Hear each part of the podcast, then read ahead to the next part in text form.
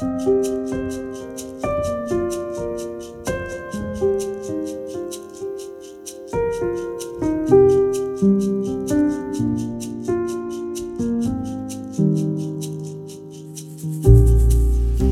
har kanskje ikke et nært og personlig forhold til ordet aforisme. Men ifølge Store norske leksikon er en aforisme en kort prosasetning som uttrykker et poeng eller en tanke, særlig fra vitenskap, kunst eller moral. En aforisme kan også fremstå i en slags poetisk form, og det var vel kanskje tre små aforismer som formet seg i hodet mitt i sommer mens jeg var til lading. Og de hang litt sammen, disse tre. Slik lød de. Før du ilden skal bære, må du i hvilen være. Skaperkraft har ingen bærekraft uten værekraft. First human beings before human doings. Nylig fikk jeg tilsendt noen tanker fra en jeg vil kalle både venn og veileder, Ommund Rolfsen. Han hadde skrevet noen ganske konsise setninger, fylt av visdom etter et langt liv i tjeneste for menigheter. Setningene var små svar på to store spørsmål han hadde stilt seg. Hva er det som bidrar til flere arbeidere og større innhøsting? Hva er det som bidrar til at noen menigheter vokser tallmessig?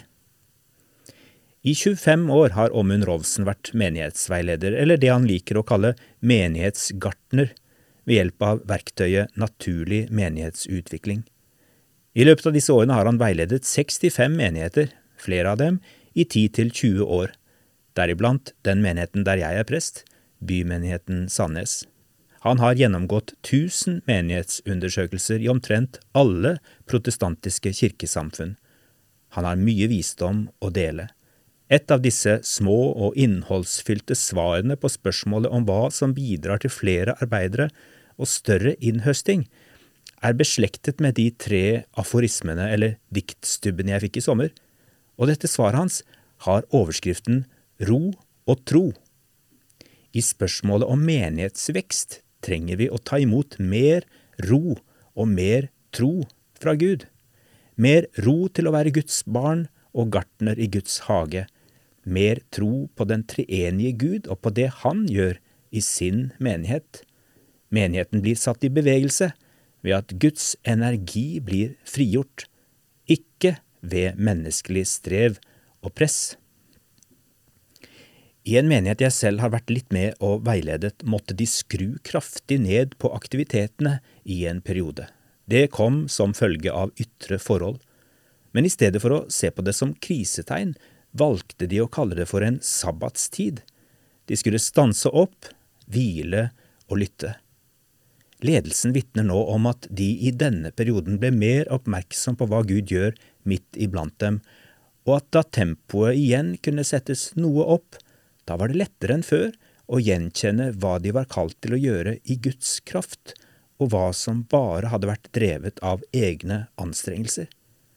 Det er neppe stor forskjell på mekanismene i en organisert menighet og det livet vi lever enkeltvis og i våre virkeområder hjemme, på jobb, og i andre relasjoner og oppgaver vi står i. For sabbatstenkningen, den er bygget inn i selve skapelsen. Gud hvilte på den syvende dagen. Det har blitt den første dagen i den troendes uke. Hvilen er ikke noe vi får som fortjent etter endt arbeidsdag. Den er stedet der alt må begynne. Værekraften er utgangspunktet for skaperkraften, ikke omvendt. Når vi bytter om på faktorenes orden, da tukler vi med bærekraften. Hva betyr denne bibelske sannheten i ditt liv akkurat nå? Og kan du høre disse ordene både som nåde, som gave og som en vennlig utfordring? Og Jesus sa, med Guds rike er det slik, det er som når en mann har sådd korn i jorden. Han sover og står opp.